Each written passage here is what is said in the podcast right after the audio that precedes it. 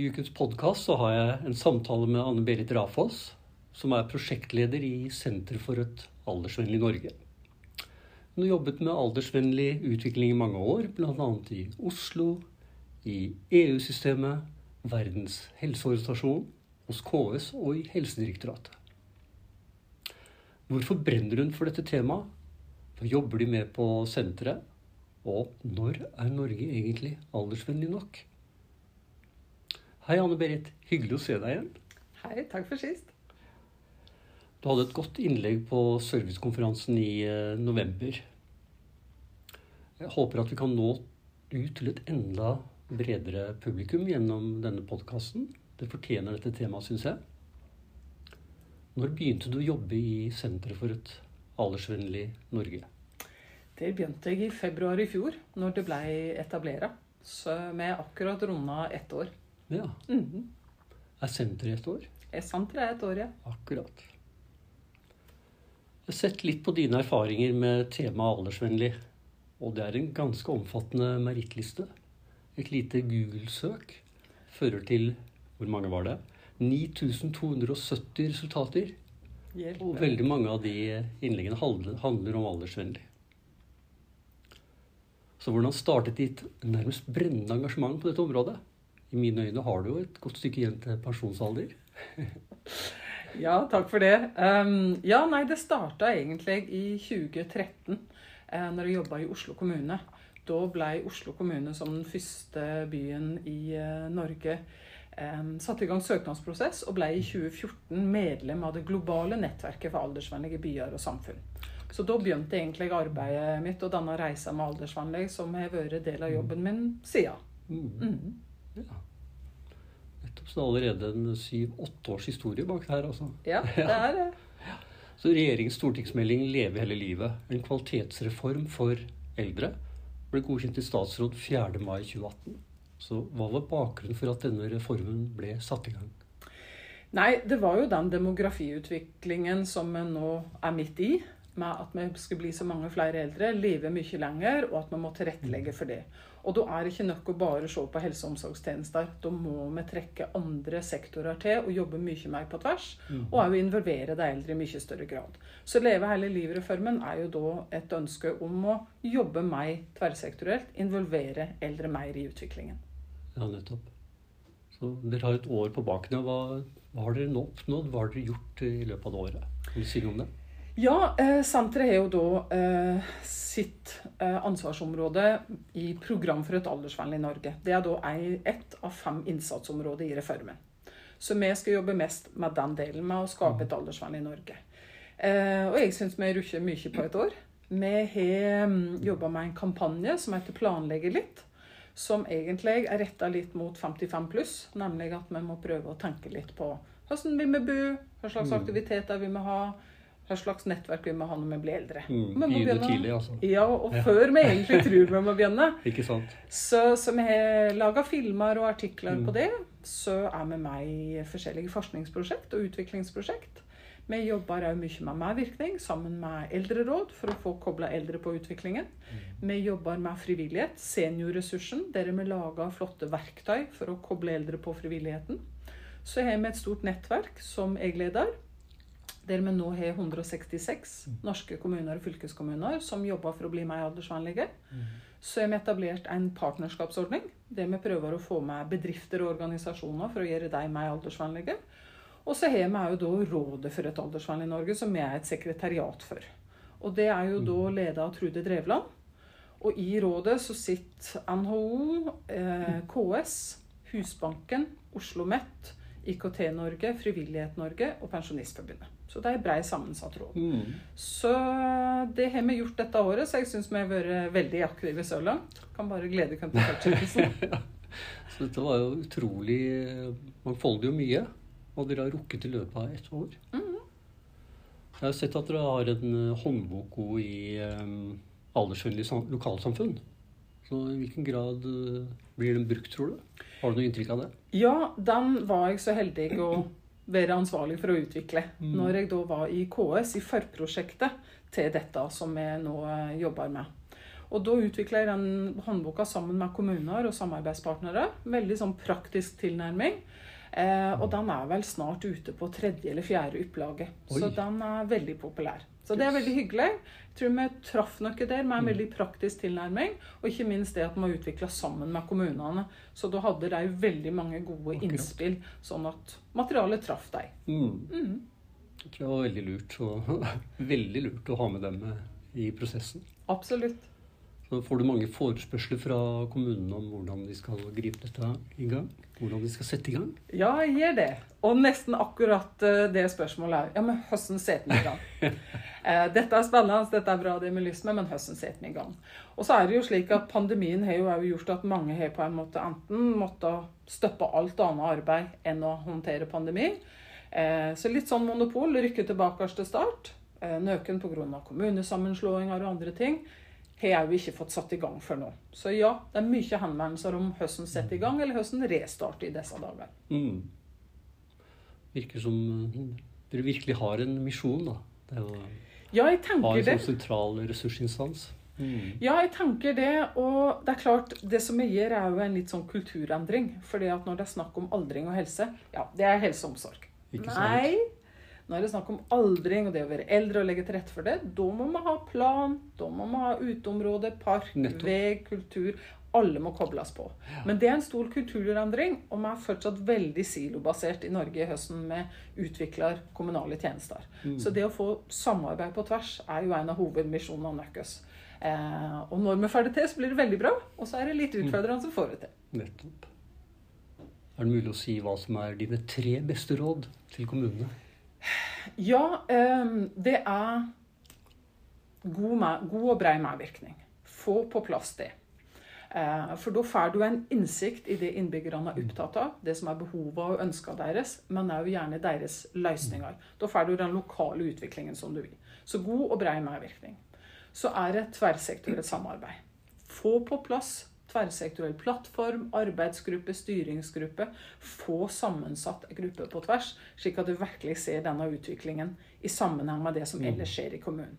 De færreste har jo anledning til å kanskje sette i gang et eget stort prosjekt bare på aldersvennlig, så det må inn som en del av det som gjøres ellers, og da må det samarbeides på tvers.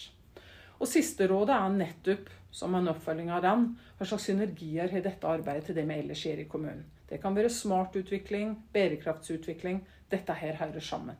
Koble det på, se det i sammenheng. Det tror jeg var tre gode råd. Mm. Så du har jo internasjonal erfaring fra Verdens helseorganisasjon og EU-systemet. Kan du si litt om hva du jobbet med der? Ja, i EU-systemet så var det slik at når jeg jobba i Oslo kommune, så var Oslo med i et bynettverk. Altså europeiske byer eh, hadde samarbeid i et nettverk. I en organisasjon som heter Eurocities. Og de har da ulike faggrupper. Og de hadde en på dette som er litt bredt helse eller folkehelse. Så der starta jeg faktisk opp ei egen arbeidsgruppe på urban aldring. Og fokus da på aldersvennlig utvikling. Så jeg starta den og leda den i nesten seks år. Eh, med da et knippe europeiske byer, og vi var sammen om å jobbe i, eh, i det nettverket. Så vi organiserte møter, konferanser, vi var med i EU-prosjekt, forskningsprosjekt, gjorde veldig mye sammen. Så det var veldig spennende, og vi lærte utrolig mye av hverandre. Eh, både av det som fungerte og det som ikke fungerte. Og så var det da en fin måte å påvirke EU-politikken, òg det som skjedde i EU-systemet på aldringsfeltet og utvikling av aldersvennlig samfunn. Mm. Så det fikk jeg jobbe med der. Og i Verdens helseorganisasjon så var jeg i den avdelingen som har ansvar for aldersvennlig nettverk og utvikling. Så jeg var faktisk med og fikk lov å utvikle det globale nettverket. Hvordan det skulle gå videre. For da hadde det eksistert ei viss årrekke, og så var det på tide å ta en reevaluering. Hvordan skal vi gjøre dette her framover? Hva slags behov da kunne jeg òg komme med som en by eller kommune? Hva slags behov ser det at Verdens helseorganisasjon sitt nettverk kan imøtekomme? Hva slags behov har det? Må det ha mer verktøy? Må man ha mer utveksling? Mer mentorer, f.eks.? Er det andre strategiske samarbeidspartnere som det er viktig å jobbe med? Og der fikk jeg da bl.a. kobla på Nordisk ministerråd, som nå har et eget nordisk nettverk av aldersvennlige steder. Og jeg fikk jobbe med utviklingen av det globale nettverket. Så fikk jeg være med på mye annet spennende som de gjorde òg. Verdens helseforsamling i mai, der alle kommer eh, til Genéve på, på møte. Og fikk være med på utviklingssenteret. Det var utrolig spennende. Og det var jo veldig spennende det arbeidet som ble gjort med begrepsbruk. Det ligger jo så mye politikk i begrepsbruk. Så jeg fikk være med på veldig mye spennende som jeg har tatt med meg etterpå. Og nå er jeg fortsatt kobla på Verdens helseorganisasjon. Jeg er i dag en av fem globale mentorer i et stort mentorprogram for aldersvennlig utvikling. Akkurat. Så jeg får lov å høres- fortsette å ha kontakten. Det høres ut som det har vært veldig spennende tid. Absolutt. Og en solid ballast å ha med seg. Ja, jeg er veldig glad i det internasjonale. Jeg syns det kan bli litt smått og litt nært her. Eh, Så jeg er veldig glad når jeg kan få litt internasjonalt. Akkurat. Men jeg føler at vi har mye å lære andre, men vi har jo mye å lære av andre. Så den Ja, så utviklingen her hvordan syns du egentlig det står til i Norge sammenlignet med andre land? Jeg syns ikke det er så verst. Jeg syns at eh, det er utrolig flott det grepet som er gjort med å sette aldersvennlig inn i en nasjonal reform. At det er en målsetning da at så mange kommuner som råd skal jobbe med dette her. Det er kjempeflott. Det er et virkelig stort løft, så jeg syns det står bra til. Jeg syns vi er på god vei til å bli et mer aldersvennlig land i sin helhet. Vi har omfavna begrepet aldersvennlig. Vi har aldersvennlig boligprosjekt. Vi begynner å se på aldersvennlig transport. Det begynner å bli stor aktivitet i kommunene med aldersvennlige tiltak. For dette er jo et begrep ja, hva betyr det? Er det bra for alle? Hva betyr dette med aldersvennlig? Det tar jo litt tid, men jeg føler at vi omfavner det nå. Og det begynner å skje veldig mye spennende aldersvennlig utvikling. Vi kan mer, men jeg syns vi er på god vei. Mm. Veldig bra. Og så nevnte du at uh, vi kanskje har noe å lære av andre land også. Hva, er det noe spesielt å tenke på der? Ja, eh, jeg ser det at fortsatt er hovedutfordringene dette med det tverrsektorielle. At det ofte glipper litt. Det blir fortsatt et stykke mellom teori og praksis. Vi tenker at ja, dette skal vi gjøre, og bryte ned siloer og jobbe på tvers. Men når det kommer til sjøle økonomiplanen og prosessen og implementering, så glipper det litt att. Da er de gode intensjonene ofte litt mista når vi skal faktisk sette det ut i praksis. Så vi har kanskje ikke de beste tverrsektorielle plattformene og måtene å jobbe på. Det blir fortsatt litt Nei, er det andre land som er uh, flinkere på det området? Ja, altså det eneste landet som så langt har funnet status som et aldersvennlig land, er Irland. Og det er et av grepene de har fått til. Den tverrsektorielle tilnærmingen på alle nivå. Og derfor har de lykkes, tror jeg. Da har de på en måte fått inn både kommuner og eh, næringsliv og akademia med seg. Da har du en god trippel helix-modell der alle parter samarbeider om dette. her. Og den har de virkelig fått til. Og den går fra planlegging til implementering ut i praksis. Så, så det kan vi bli litt bedre på. Og så er vi òg veldig regulerte. Det er ikke alltid så lett å drive nybrotts- og innovasjonsarbeid. Vi kunne godt være litt mer fleksible, tenker jeg. Hva skal til at vi klarer å få til en sånn modell som i Irland? Da? Ja, da må det være en forståelse, tror jeg, og et, vel, et ønske om å jobbe tverrsektorielt, og at det òg blir brukt tid på. Og at vi kommuniserer òg fra ledelsesnivå at det er greit at det bruker tid på. For jeg tror det at Som sagt, det snakkes om kollegaer har lyst til å jobbe sammen. De ser sammenhengene. Men så er de pressa på at de skal levere innenfor det og det. Planer eller økonomiplaner og, og områdeplaner, forskjellige ting. Og så blir det da litt for lett igjen å gå tilbake til det som er mitt område, i stedet for den. Jeg tror at mye kan gjøres òg med kommunikasjon fra ledelsesnivå og myndighetsnivå òg om tverrsektorielt samarbeid. At man kan bli litt målt på det, rett og slett. Hvordan vi lykkes i å jobbe på tvers av sektorer og nivå. Ja. Inn i planer og klart lederansvar Ja, er nok nødvendig. Mm. absolutt. Så, uh, hva fokuserer dere mest på i år? Um, Det er jo frivillighetens år i år. Det er det. Så vi har et uh, stort fokus på det. Så nå har vi akkurat hatt en lansering av noen flotte verktøy som er laga for å koble på seniorressursen i frivilligheten. Så skal vi ha i løpet av året 18 generasjonsleker rundt omkring i landet. Fra Alta til Arendal så skal vi ha et arrangement som heter Generasjonsleikene. Og det er det du tror er. Det er rett og slett å bringe generasjoner sammen. Kommunen og frivilligheten samarbeider om å få til et arrangement på tvers av generasjoner. Det er ulike øvelser. Det er litt opp til den lokale arrangøren hvordan de velger å gjøre dette her. Jeg har gjort det to ganger i Oslo. Med ulike idrettslag, bedriftsidrettslag og andre som kommer sammen. Poenget er at du skal minimum ha to generasjoner på et lag. Helst flere. Akkurat. Og lage en plattform for generasjonskontakt. Og vi hadde mange søkere, så vi måtte til og med si nei til flere. Men vi fikk 18 som vi valgte ut. Stor, liten og god geografisk spredning som er i hele landet. Så det blir et stort fokus. Um, så har vi transport er et innsatsområde vi har fokus på, så vi kommer ut med en rapport nokså snart om det som finnes av aldersvennlige transporttilbud i landet. Hva slags behov melder de eldre og fylkeskommuner og kommuner om? Hva slags muligheter finnes det? Og så ser vi litt framover òg. Og så er vi bolig. Aldersvennlige boliger. Hva slags boliger skal vi ha i framtida? Så det er noe av det vi fokuserer mest på i år. Mm. Mhm. Veldig spennende. Når er Norge aldersvennlig nok? Ja, det sier det. Ikke ennå, iallfall. Um, jeg tenker at vi bør komme dit at vi er et mye mer inkluderende og tilgjengelig samfunn. Både i by og bygd. Og at eldre blir ordentlig tatt med i utviklingen av de samfunnene. At vi har mye mer medvirkning. At det ikke bare blir for å kvittere noe ut i starten av planprosessen, men at vi har medvirkning og samskaping hele veien. Hvis vi får det på plass mye mer systematisk, så er vi et godt stykke på vei. Eh, Den definisjonen som eh, Verdens helseorganisasjon har på aldersvennlige samfunn, er at det er et inkluderende og tilgjengelig samfunn som fremmer aktiv aldring. Mm. Så når vi tenker at vi har det, så tenker jeg at vi er aldersvennlige nok. Ja. Jeg tenker at uh, Senter for et aldersvennlig Norge ikke blir lagt ned med det første. det er fortsatt nok å gjøre. Så litt om deg til slutt, Hanne Berit, hvis det er ok for deg. Mhm. Ja. Så hva slags utdannelse har du?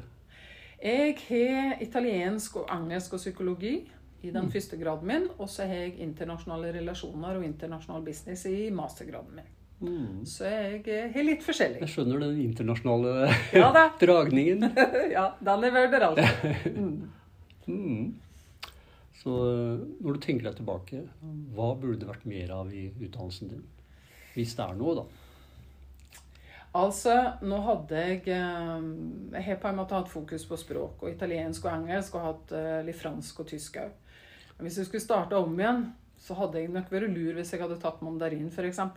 Ja. Det hadde nok vært litt spenstig. Sett hvordan verden ser En ut. ganske og- stor andel av verdens befolkning som Ja. snakker mandarin. Ja, Det hadde vært eh, noe jeg ville ha inkludert hvis jeg skulle ha kanskje begynt igjen. Mm. Mm. Men hvis du skulle jobbet med noe annet, hva Mm. ville det vært? Ja, nå syns jeg det er veldig spennende det jeg jobber med. Jeg brenner veldig for det. Så, men det er klart han stiller seg jo slike spørsmål fra tid til annen hvis jeg skulle ha skifta, hvis jeg skulle gjort noe annet. Um, jeg har nok veldig lyst til å jobbe innen dette feltet fortsatt lenger. Men hvis jeg virkelig skulle endre, så kunne jeg tenkt meg noe sånn kunsthistorie. Noe helt annerledes. Veldig glad i kunst. Det hadde vært Bård. Mm. Det var nok å se på der i Italia, tenker jeg. Ikke sant? Ja. Det var jo som å bo i et museum. Jeg bodde Ja. i Firenze i noen år, og det var jo som å bo i et museum. Så, så det Ja. Kunst er spennende. Ja. Helt til slutt, hvis du skal karakterisere deg selv med tre ord, hvilke vil du velge? Å hjelpe meg. Um, ja, engasjert. Uh, utålmodig. Men inkluderende. Flott. Tusen takk for at du stilte opp, Anne-Berit. Og lykke til videre med å omdanne Norge til et aldersvennlig samfunn. Tusen takk for at jeg fikk lov å være med. Veldig hyggelig. Yes. Yes! Det var jo var det den der skjermen som drev og slo seg av og på underveis. Å det Å ja, jeg merka det ikke engang.